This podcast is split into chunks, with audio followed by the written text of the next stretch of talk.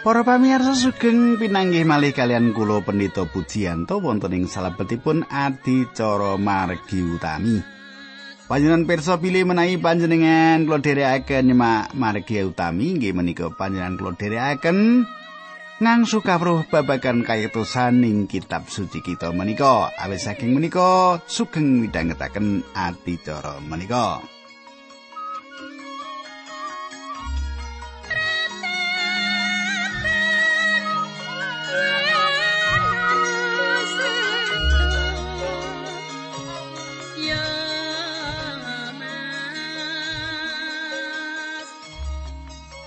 Kadang kula menapa panjenengan tasih kemutan menapa ingkang kula aturaken kepengker kula sampun ngaturaken dumateng panjenengan kados pundi Paulus lan Barnabas nyariosaken sadaya tondo lan mukjizat ingkang dipun tindakaken Gusti Allah lumantar pelatusanipun Barnabas lan Paulus kala wau.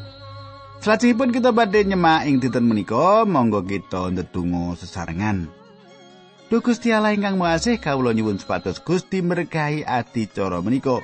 Nuntuni kanthi Sang Roh Suci Paduka kanthi makaten abdi Paduka mboten nalingsir saking kaitosan ingkang Paduka pratelakaken. Linambaran asmanipun Gusti Yesus Kristus kawula tetunggal haleluya. Amin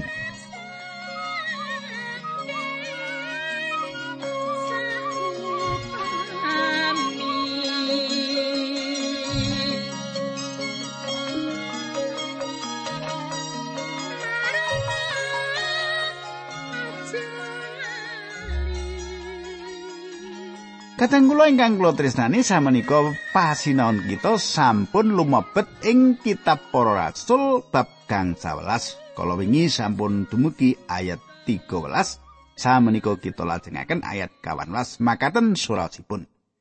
Nembe kemawon Simon, Rasul Simon Petrus nyariosaken bilih Gusti Allah salebetipun nyengker bangsa satunggal kagem panjenenganipun piyambak Wiwit-wiwitan Milo inggih sampun ngatingalaken sih rahmatipun dhateng tiang-tiang sanes Yahudi. Kadang kula ingkang kula tresnani menapa Gusti Allah saweg nyelametaken tiang sak jagat? Mboten. Menapa Gusti Allah saweg ngenalaken kratonipun? Mboten. Menawi kados mengatakan menapa ingkang saweg dipun tindakaken Gusti Allah ing wekdal menika?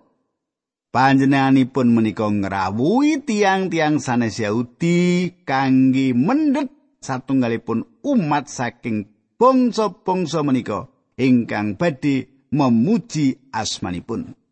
Kita sinau saking kitab Wahyu bilih ingkang jumeneng wonten ngarsanipun damparing Allah inggih menika tiang-tiang kang asalipun saking maneka warni basa lan bangsa. Pangandikanipun Allah menika dipun gelaraken ing saindenging jaket awit Gusti Allah nimbali medal satunggalipun umat ingkang badhe muji asmanipun. Inggih menika sebabipun kula saestu gadah semangat kangge nglaraken pangandikanipun Allah menika kathah tiang ingkang sampun mirengaken pangandikanipun Allah lumantar radio. Syukur dumateng Gusti Allah kita saged ngginakaken sarana menika kangge ngelaraken pangandikanipun Gusti Allah. Pancen boten saben tiang ingkang mirengaken pangandikan menika lajeng pitados. Nanging kula saestu ngaturaken panuwun bilih Gusti Allah sampun maringi wewengan dumateng kula kangge martosaken kabar kabingan menika ing salebetipun Gusti Yesus Kristus lan mucalaken pangandikanipun Allah menika dumateng panjenengan sami. Nah ayat kang 11 perkawis menika cocok kalian pangandikanipun para nabi kados ingkang suraosipun. Kadang kula ingkang kula tresnani kula ndekaken wonten ing mriku Menapa panjenengan kedah pikiran bilih jaman enggal menika lelawanan kalian piwucalipun perjanjian lami?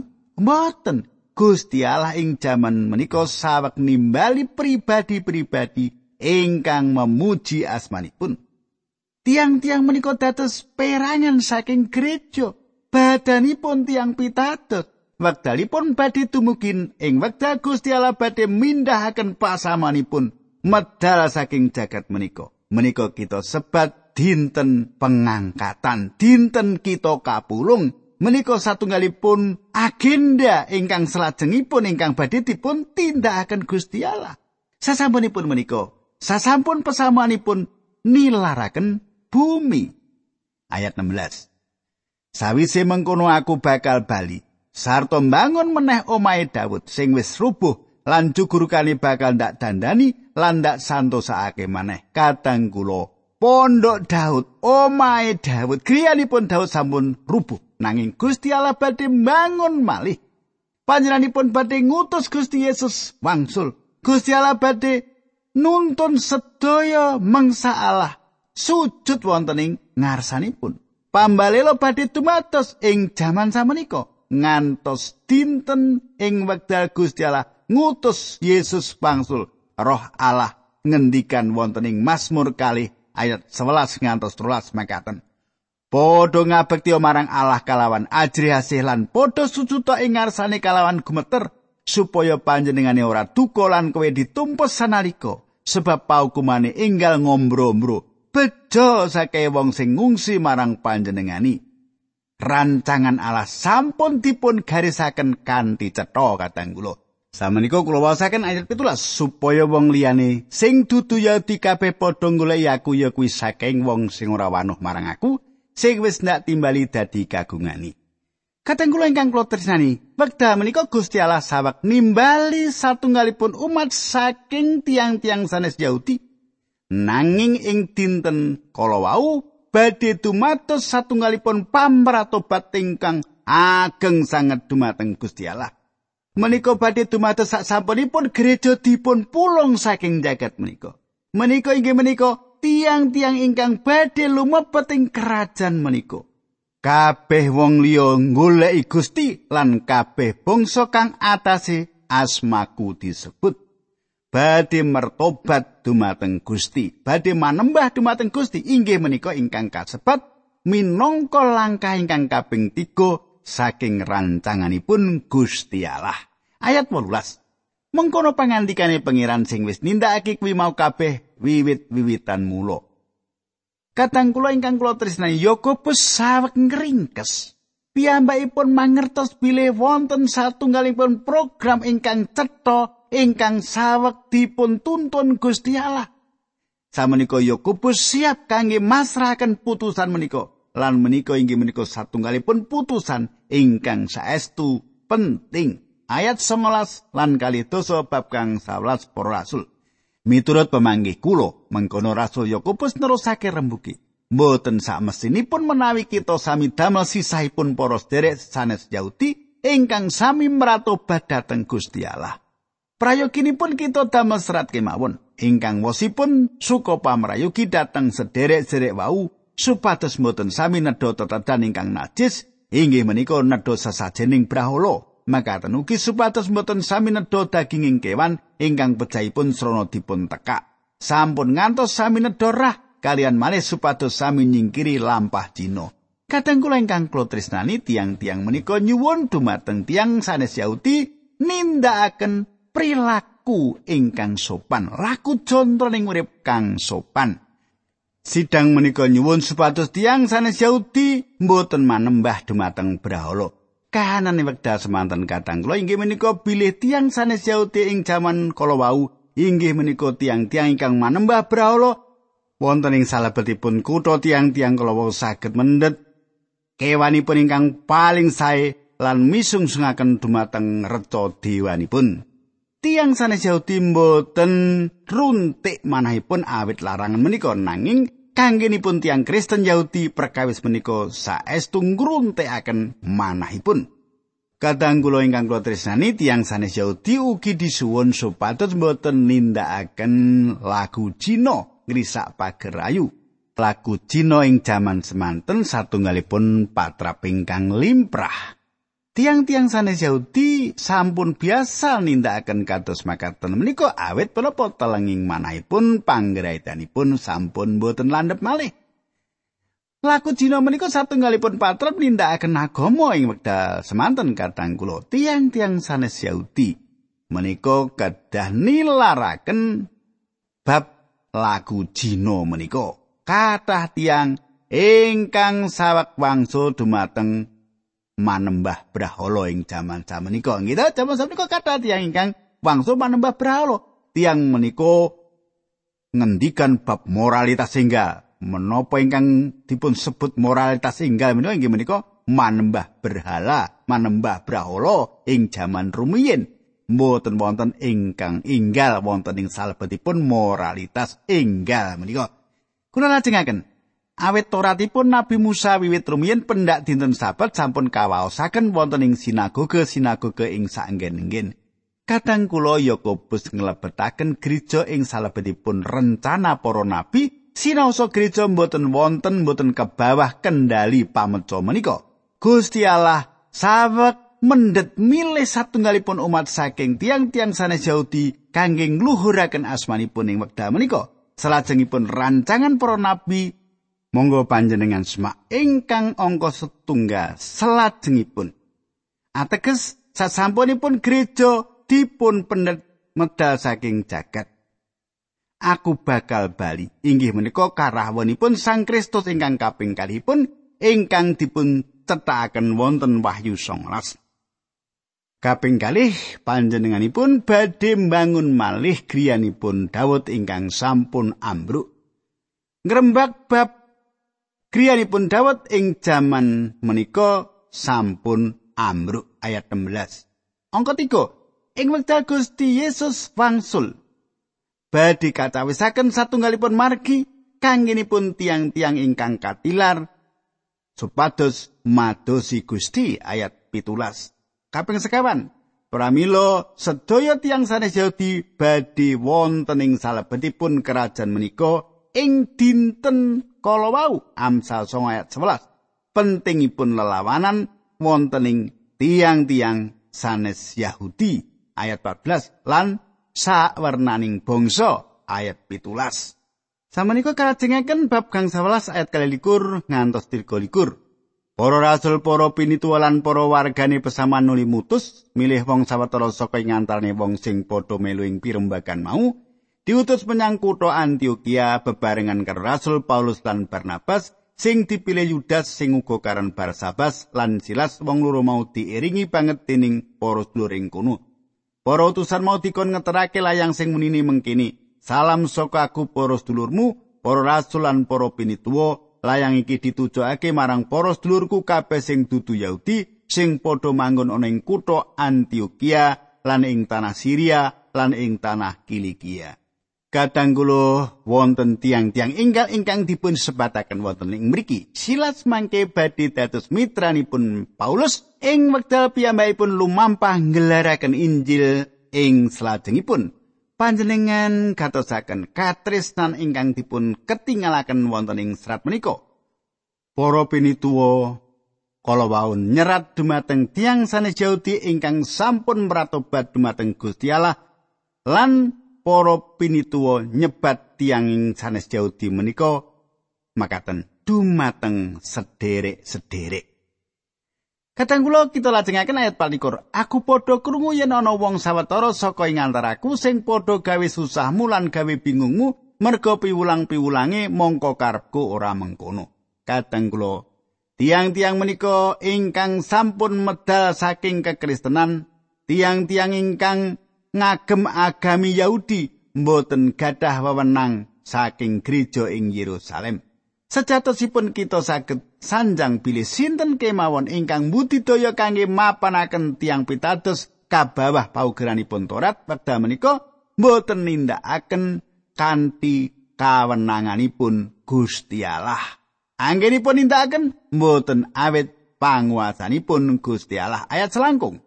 Mulane aku banjur padha nganakake pirumbekan lan netepake kongkonan wong loro ya kuwi Yudas lan Silas supaya nemoni kowe kabeh wong loro mau bakal mangkat bebarengan karo Barnabas lan Paulus. Kadang kula menika rak satunggalipun pratela ingkang saestu endah. Ayat 6 likur. Ya kuwi wong sing padha ngetokake nyawane kagem Gusti kita Yesus Kristus. Kadang kula gereja ngutus tiang-tiang ingkang sampun kateter. Kauji tiang-tiang ingkang sampun saestu mbuktekaken piyambakipun wantun ngetohaken nyawanipun piyambak ngantos sepinten panjenengan sampun nandang kasangsaran kangge panjenenganipun. Sepinten anggen panjenengan nyaosaken korban kangge panjenenganipun. Menapa panjenengan sampun mbayar satunggalipun regi kangge ngelaraken pangandikanipun Gusti Allah? Nah, ayat 17 Para sedulur sing padha ndak kongkon mau bakal nerangake dhewe marang kowe kabeh padha kaya sing wis ndak tulis ana ing layang iki. Kadang kula panjenengan saged nyemak. Pile pinituwa kala wau ngutus Yudas lan Silas sesarengan kalian Paulus lan Barnabas kangge neguhaken kasunyatan Bile menika satunggalipun putusan dewan, putusan pirembagan wonten Yerusalem, putusan sidang. Ayat 22 Roh suci lan aku kabeh wis padha tunggal panemu yen ora bakal padha gawe susahmu lan menehi momotan ngluwi apa mesini. Panjenengan semak, Sang Roh Suci nuntun lan ngarahaken tiang-tiang kala wau. Ayat 29. Ya kuwi kowe aja padha mangan panganan sing dinggo sajene brahala, aja mangan getih, aja mangan kewan sing matine srana ditekak, lan padha nyingkirana laku jina yen kowe padha ngateake lan nyingkiri perkara-perkara mau wis cukup. Salam pandungaku padha tampanana. Kadang kula ingkang kula tresnani inggih menika laporanipun. Inggih menika sedaya ingkang saged dipun sanjangaken dumateng tiang-tiang sanes Yahudi menika tiang-tiang sanes Yahudi mboten perlu netepi menapa ingkang dados paugeranipun Musa nanging tiang-tiang sanes Yahudi kedang nindakaken perilaku nindakaken gesang ingkang sopan dumateng tiang-tiang ingkang mraktekaken paugeranipun Musa menika. Ingkang utami wonten ing perkawis pisungsung daging dumateng reca brahala lan tentu kemawon tiang-tiang menika mboten kenging nindakaken lagu jino malih. Ayat tigang dosa ngantos tigang dosa tunggal. Para utusan nuli padha pamitan sarta mangkat menyang kutha Antioquia. Ana ing kono para wargane pesaman kabeh nuli dikumpulake lan layang mau ditampakake bareng padha maca layang mau wong-wong sak paseman padha bunga banget merga rumangsa oleh panglipur. Kadang kula ingkang kula tresnani wonten panglipuran wonten ing salebetipun Injil. Wonten ing paugeranipun Torat namung wonten ipat-ipat. Paugeran Torat namung nyukani ipat-ipat. Paugeran Torat menika satunggalipun pangilon menapa ingkang dipun sanjangaken para utusan kala wau satunggalipun panglipuran. Saka menika ayat tigang dosa kali ngantos tigang dosa sekawan. Yudas lan Silas loro-lorone nabi guneman nganti suwe karo para sedulur ing kono wong-wong mau padha dikembleng imani supaya padha mundhak kendel. Sawise padha ana ing kono sawetara suwene Yudas lan Silas banjur padha dililani bali digawani salam kanggo wong-wong sing padha ngutus mau nanging Silas tetep manggon ing kono. Kadang kula cetha sanget bilih Paulus lan Silas nyambut damel sesarengan kanthi sae. Silas tentu remen dumateng Paulus lan ngraosaken eco nyambut damel kalian piyambakipun. Dados Silas manggen wonten ing gereja Antioquia. Piyambakipun tentu remen nyambut damel ing lingkunganipun tiang-tiang pitados ingkang sanes Yahudi. Menapa kemawon ingkang dumados piyambakipun tetep manggen wonten ing mriku. Ayat 3 dosa gangsal ngantos 3 dosa 6. Rasul Paulus lan Barnabas padha larem metara suwe ana ing kutha Antioquia kuno bebarengan karo wong akeh para rasul mau padha memulang lan martakake pangandikane Gusti Allah. Ora antara suwe Rasul Paulus kondo karo Barnabas, ayo padha tilik para sedulur ing saben kutha sing wis kita wartani pangandikane Gusti Allah, perlu ngaruhake kanane para sedulur mau. Kadang kula ingkang tresnani Paulus gadah kaprihatosan dumateng gereja-gereja. Satunggalipun kaprihatosan ingkang murni dumateng tiang-tiang pitados awit mangertos kados menapa boten teguhipun tiang-tiang Galatia. Awit saking menika Paulus gadah pikiran badhe nakyenaken para sidang jemaat menika ngrawuhi nuweni gereja-gereja kala wau. Ayat 37. Barnabas kepengin ngajak Yohanes Markus. Kadang kula ingkang kula tresnani kita mangertos pilih Barnabas inggih menika tiang ingkang lomo lan siap mitulungi tiang sanes.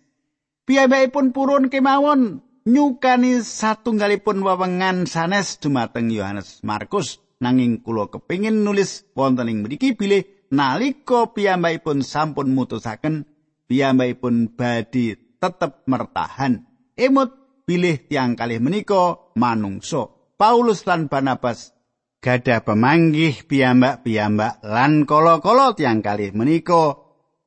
Saestu kiat anggenipun cekelan dumateng pamanggih-pamanggihipun. Samenika kita lajengaken nggih menika para rasul kang 11 ayat 38. Nanging Rasul Paulus ora rujuk yen Markus diajak awit tau ninggal wong loro mau ana ing tanah Pamfilia lan Markus kuwi ora tumemen anggone mbiyantu nganti sarampunge pegawean. Kadang kula Barnabas ngajengaken beto Yohanes Markus lan Paulus mboten purun. Cecongkran alit antawisipun Barnabas lan Silas dumados. menika dados piwulang dumateng kita bilih kekalih tiang menika tasih manungsa limrah lan malah tiang-tiang suci pindah saged benten pamanggih tanpa nuwuhaken cecongkrahan tiang-tiang menika mboten ngrusak menapa-menapa tiang-tiang menika mboten mecah pesamuan lan mboten mbangun kalih gereja ingkang benten ing Antioquia tiang kalih menika namung benten pemanggih. Saged-saged kemawon benten pemanggih wonten ing salebetipun satunggalipun sederek tunggal pitados. Paulus lan Barnabas benten pemanggih. Anggenipun benten pemanggih ngantos padudon gegayutan menapa mbeto Yohanes Markus menapa mboten lan awit saking menika Paulus lan Barnabas dados pisah. Paulus lepat anggenipun nafsiraken Yohanes Markus lan piyambakipun gadah pikiran bilih Gusti Allah menika mboten ngagem malih Yohanes Markus. Awit menapa? Awit piyambakipun nate gagal. Nanging Gusti Allah maringi satunggalipun wewengan sanes dumateng Yohanes Markus. Ingkang salajengipun Paulus cekap gedhe ati cekap legawa kangge ngakoni bilih piyambakipun lepat. Lan ing wekdal piyambakipun meh ninggalaken donya menika badhe pecah piyambakipun nyuwun supados Yohanes Markus menika saged manggihi piyambakipun. Syukur dumateng Gusti Allah awit Gusti Allah maringi dumateng kita wewengan ingkang kaping kalih. Kadang kula kita lajengaken ayat 39. perkara mau marakake padurame nganti pungkasane Rasul Paulus lan Barnabas padha pepisahan. Barnabas ngajak Markus banjur nunggang perahu menyang Siprus. Kadang kula panjenengan katosaken Barnabas kisah dateng Siprus lan menika griyanipun. Siprus menika griyanipun.